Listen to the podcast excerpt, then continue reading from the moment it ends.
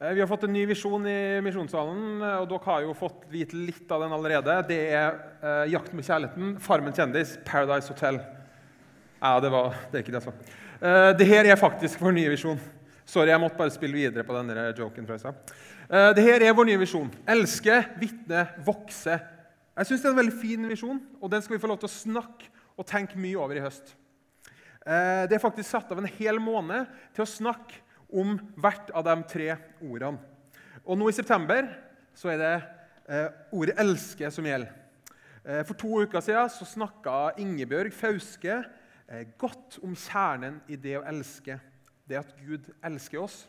Eh, Og så Sist uke så hadde Jan Magnus en romantisk vinkling. og det er jo sånn med Jan Magnus at Han eh, griper enhver mulighet til å, snakke, nei, til å lese om datingtips på jobben. Den muligheten griper han, og den tok han igjen. Så det er veldig bra, Jan Magnus. Det må du fortsette med. Kjempebra. Eh, noen ganger så får jeg inntrykk av at eh, svaret på alt er kjærlighet. Så lenge vi elsker hverandre og passer på hverandre, så går det bra. Vi elsker damer, eh, vi elsker musikk, elsker surfing, elsker fotball og sjokolade. Altså, vi elsker så mye forskjellig, da. Så syns jeg et bra spørsmål er hva bør vi som kirke elske? Bibelen sier jo at Gud er kjærlighet. Og dersom Gud er kjærlighet, og vi ønsker å lære mer om å elske, så gjør vi lurt i å se på Han. For sjøl om vi elsker kjæresten, musikk, surfing, fotball og hverandre, så er det jo tydelig at ikke alt stemmer rundt oss. er det ikke det? Krig, konflikt, krangler, ensomhet. Verden er jo full av eksempler på at vi ikke klarer å elske, selv om alle roper og hevder at vi vet at svaret er å elske. Da vi var yngre, da, eller da vi var veldig små, da, så ble vi sendt på skolen. Eh, Så fikk vi en utdannelse. Eh, Vi begynte i jobb. Fikk noen hobbyer underveis. Spille fotball, se på United og Rosenborg, lese Harry Potter. Oi, det var jo faktisk livshistorien min, det her, eh, innser jeg. Eh, det var, det var ikke meninga, men eh, samme det. Instagram, TikTok-dans det er ikke livshistorien min. Men jeg er villig til å gå inn i det hvis noen har lyst til at jeg skal gjøre det. Men ja, det var egentlig ikke poenget. Det her, alle de tingene her det er helt vanlige ting. Ting som er en del av det å være menneske. Men likevel så lever vi i et slags spenn. For selv om vi selvfølgelig skal være de her stedene, at vi skal være på studiet og i hobbyen vår, eller hva det er, og at vi skal gjøre de tingene her, så er de ikke meint å bety alt for oss. Fordi plutselig så endrer fokuset seg i det vi driver på med. Skolen, jobben eller hobbyen blir noe som vi bruker all vår tid på. Det blir det vi tenker mest på, og det, det, det, blir, det, vi øh, det blir det som betyr mest for oss. Det blir så viktig for oss at det vi elsker plutselig, om det er hobbyen da, eller hva det er for noe. Og så får vi lengsler og drømmer for det vi holder på med. Og Da er det viktig å vite det, at det vi elsker, det tar oss i en retning. Øystein Gjerme han sier at kjærligheten er en kraft som setter en retning på livet ditt. En eller annen vei. Og hvis elsker, så hvis du elsker noen eller elsker noe, så gjør det noe med deg. Det påvirker deg. Det tar deg et sted. Hva elsker du? Svaret på det spørsmålet det kan fortelle deg noe om hvor du er på vei. Vi skal eh, se litt på en tekst i Apostlenes gjerninger, kapittel 17. Eh, begynner med to vers, 16-17. Paulus han er i Aten, og følgende skjer. Mens Paulus ventet på dem i Aten, eh, ble han rystet i sitt innerste over å se at byen var full av gudebilder. I synagogen førte han samtaler med jødene og dem som dyrket Gud, og på torget snakket han hver dag med dem han traff der. Så Paulus han er i Aten, går rundt og kikker litt. Han blir overraska, fordi de som er i byen, de, de, de dyrker ikke bare én gud, de dyrker forskjellige guder. De har forskjellige gudebilder. Og så skal vi legge merke til en detalj som vi med våre moderne briller kanskje ikke helt klarer å oppfatte. Når det står her at Paulus var på torget, eh, så var det ikke et hvilket som helst torg eller hvilken som helst markedsplass. Det var torget i Aten, verdens kulturhovedstad på den tida. Der var det teater, det var templer, rettssaler, bibliotek, butikker, treningsstudio, konsertscener osv. Alt var der, og alle var der. Alle samfunnslag og yrkesgrupper var på torget. De kommuniserte ikke via telefon eller Messenger, sånn som vi driver på med. De møttes, og så prata de, diskuterte. De trente der, laga musikk der, det var kunstnere der. Og så var det butikker, de handla der. Det var folk, eller det var der folk var. Så Paulus han gikk til torget der alle var. Og der var han daglig. Eh, I, ja, og På torget snakket han hver dag med dem han traff der. Han tok med seg trua i hverdagen. Trua er ikke noe Paulus eh, holdt for seg sjøl. Timothy Keller, som er pastor og forfatter, han forteller det både slående og enkelt på en gang. Hvis det finnes en Gud som har skapt alt, så er han herre over ethvert område. Og Det gjelder ikke bare i kirka, men det inkluderer også torget. Det inkluderer der folk er. Troa den er for hele livet vårt. Noen vers frem, 22-25. Da sto Paulus fram for Areopagos-rådet og sa Atenske menn, jeg ser at dere på alle måter er svært religiøse. For da jeg gikk omkring og så på helligdommene deres, fant jeg et alter med denne innskriften. For en ukjent Gud. Det som dere tilber uten å kjenne, det forkynner jeg dere.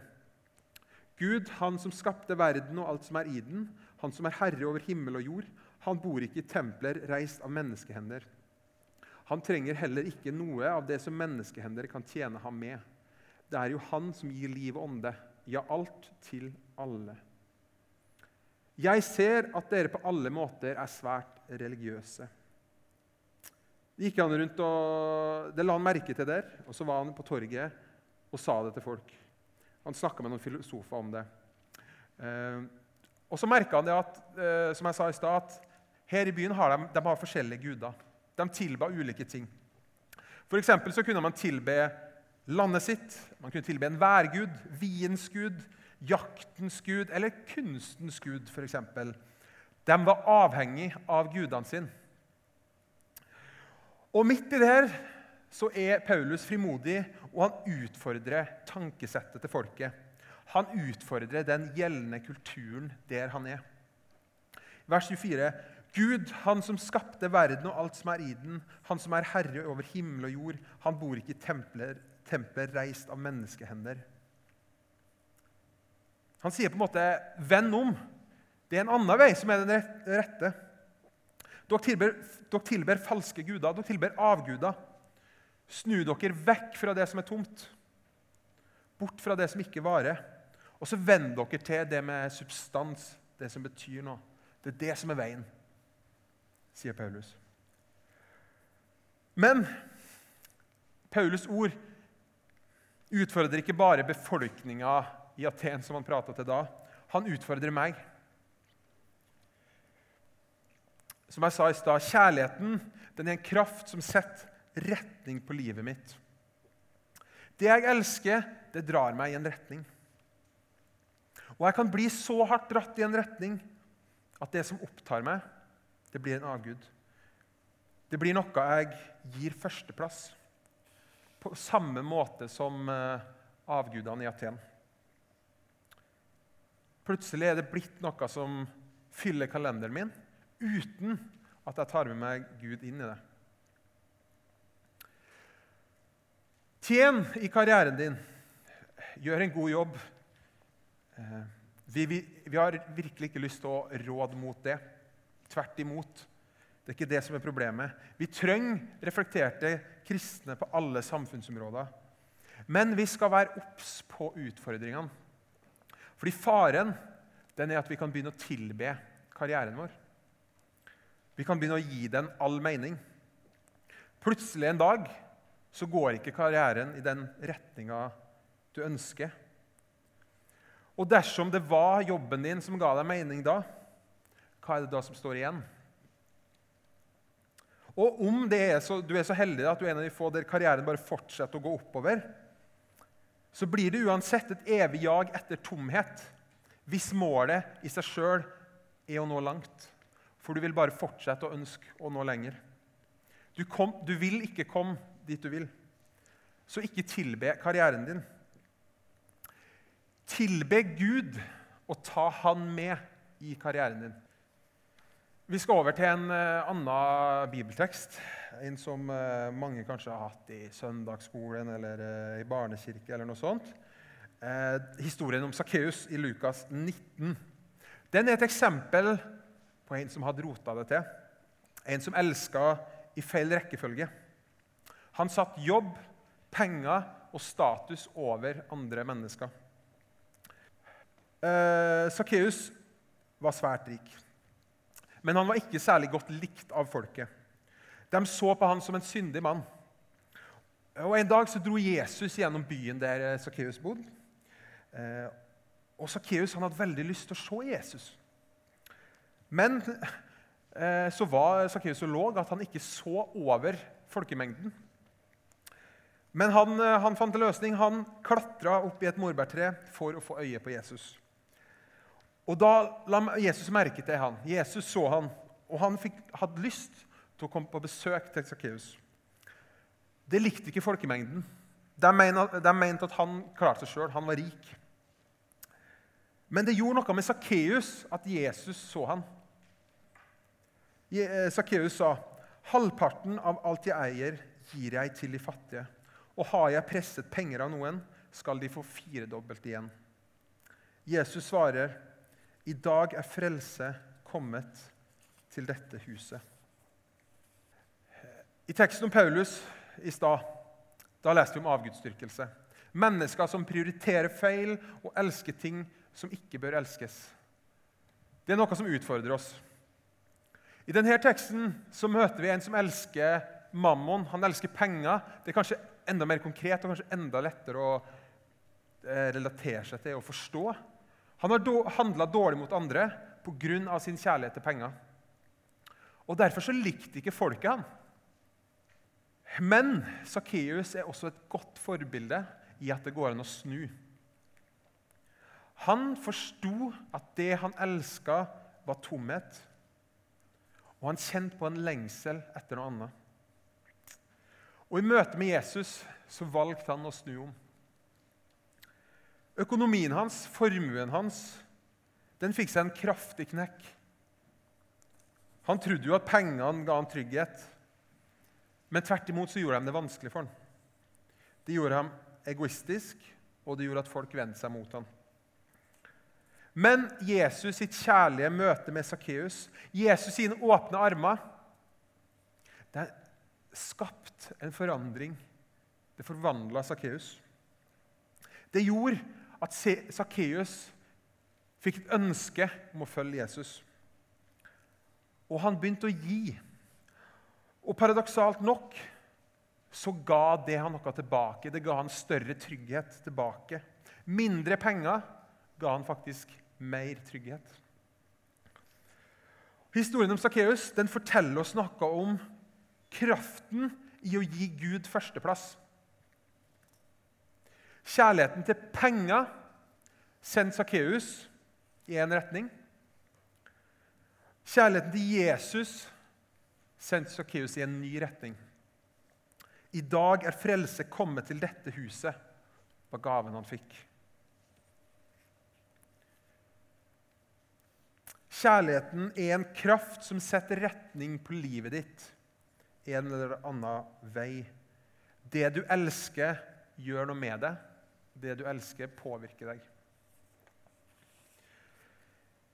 Tim Keller definerer en avgud som alt som er mer fundamentalt enn Gud for din lykke identitet, identitet og mening i livet. Eh, den er litt heavy, så vi tar den en gang til. Alt som er mer Det var altså trønderbokmål. Alt som er mer fundamentalt enn Gud for din lykke, identitet og mening i livet, en avgud. De her avgudene de er ikke nødvendigvis dårlige ting. De er ofte gode ting, faktisk. Men så klarer vi i våre liv å omgjøre de her gode tingene til livsnødvendige ting. Vi tror at det er det som er viktig for oss. De er ikke avguder i seg sjøl, men fordi vi gir dem altfor stor plass i livet vårt, så blir de avguder. F.eks. avgudene i Aten. Det var kunstgud, idrett, jakt. Dette er jo ikke dårlige ting, det er, det er tvert imot gode ting. Men hvis vi gjør de her tingene til noe som er livsnødvendig for oss, da er de i ferd med å bli avguder. Når jeg får høre uh, at du skal ikke ha andre guder enn meg, så er jeg i hvert fall lett for å tenke at det, akkurat den klarer jeg. Er, det er ikke noe problem. Det budet det fikser jeg. liksom. Jeg har i hvert fall aldri bygd en, bull, bygd en gullkalv og liksom stått og gjort sånn. Nei, i hvert fall ikke jeg. Eh, men de vanligste avgudene, det er penger, det er sex og det er makt. Det er ting som vi lett kan gå med på at kan få en negativ posisjon i livet vårt. er det ikke? Vi har hørt historier om det før. Og med en gang budet omfatter de her tingene, så forstår vi at å ikke ha andre guder enn meg rammer oss mer enn det vi først antok. Men i tillegg da, så må vi tenke enda bredere enn det. Det kan nemlig være gode ting. Jobben din, hobbyen din, familien din, tjenesten din i kirka. Selv ektefellen din kan bli en avgud for det. Alt som er mer fundamentalt enn Gud for din lykke, identitet og mening i livet, er en avgud. avgud. Jeg ønsker å dele noen eksempler. Og det er fordi jeg, altså det her er en vanskelig balanse. Jeg ønsker ikke at det skal være sånn at dere går rundt og frykter for at alt dere gjør, er en havgud. At dere ikke tør å bevege dere ut fordi shit, kanskje det kommer en gullkalv gående forbi. liksom, eller noe sånt. Eh, det er ikke det vi ønsker. Vi har heller lyst til å si at det er viktig at dere er der dere er. Det vil vi. Men vi skal være der vi er med Gud som nummer én. Eksempel Det går an å være kristen og rik. Wow, det går an å ha leilighet og hus som man legger ned penger, tid og innsats i. Hvis man eier mye og forvalter det på en god måte, så er jo rikdom en god ting. er det ikke det? Man vil skape arbeidsplasser, se andre mennesker finne seg et hjem gjennom å bygge leiligheter, f.eks.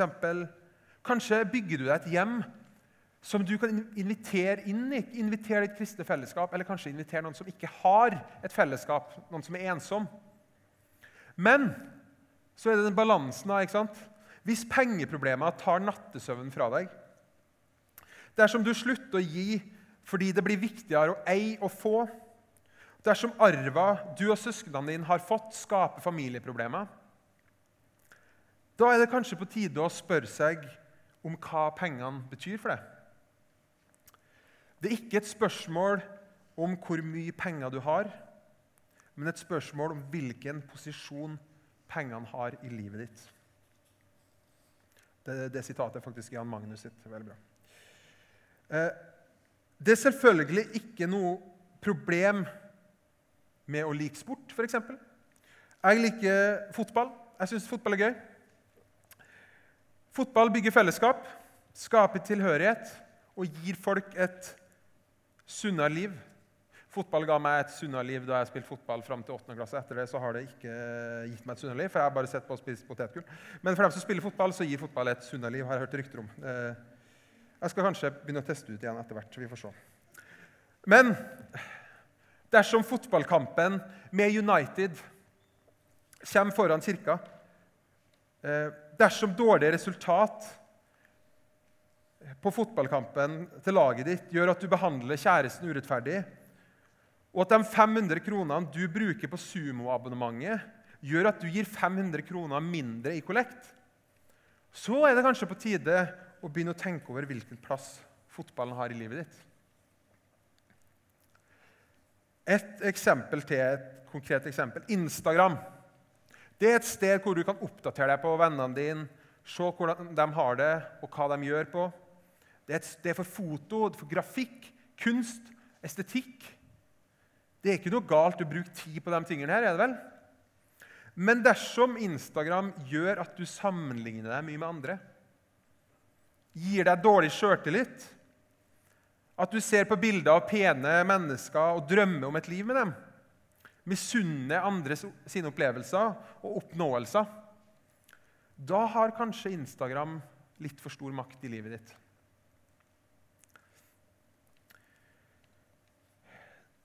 Igjen, alle disse tingene her, de er jo gitt av Gud. Men vi står i fare for å gi dem en posisjon som hever dem over giveren. Som hever dem over Gud i livet vårt. Og da har vi gitt det en posisjon som gjør at det eier oss, og ikke motsatt. Det blir avguder. Historiene om mennesker som har blitt slaver for jobben og pengene sine, er altfor mange. Gud fortjener, oi, Gud fortjener førsteplass. Og det her vil jeg understreke. Når det er sånn at jeg sier Gud fortjener førsteplass, så er det ikke bare fra Guds side. Men Gud, det Gud vil for oss, det er at vi skal ha det godt.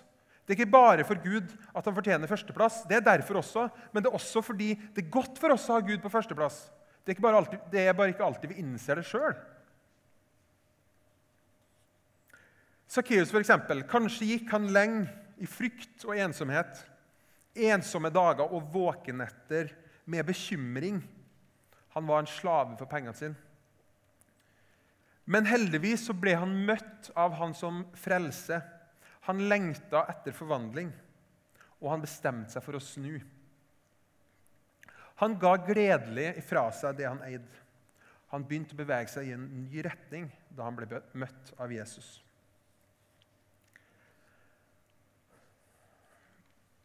Dette er et vanskelig tema fordi det rammer oss alle.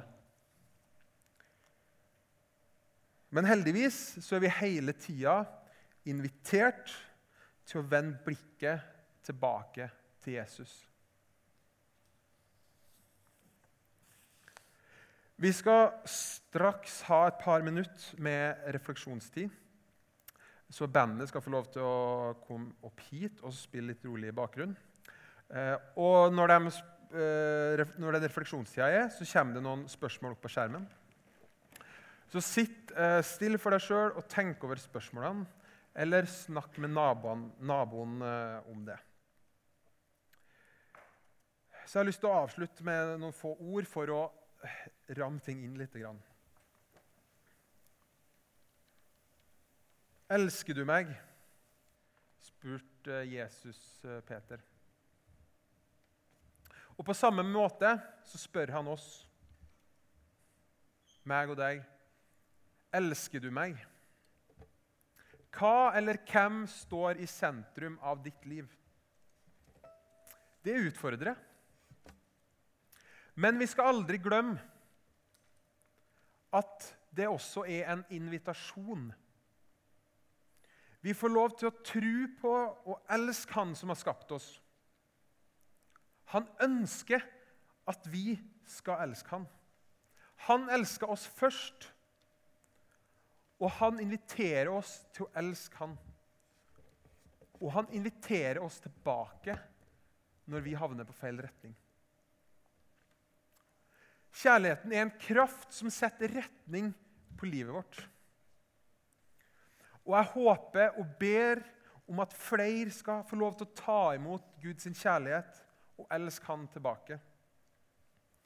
Jeg tror at den retningen vi da beveger oss i, den er til det beste for oss alle.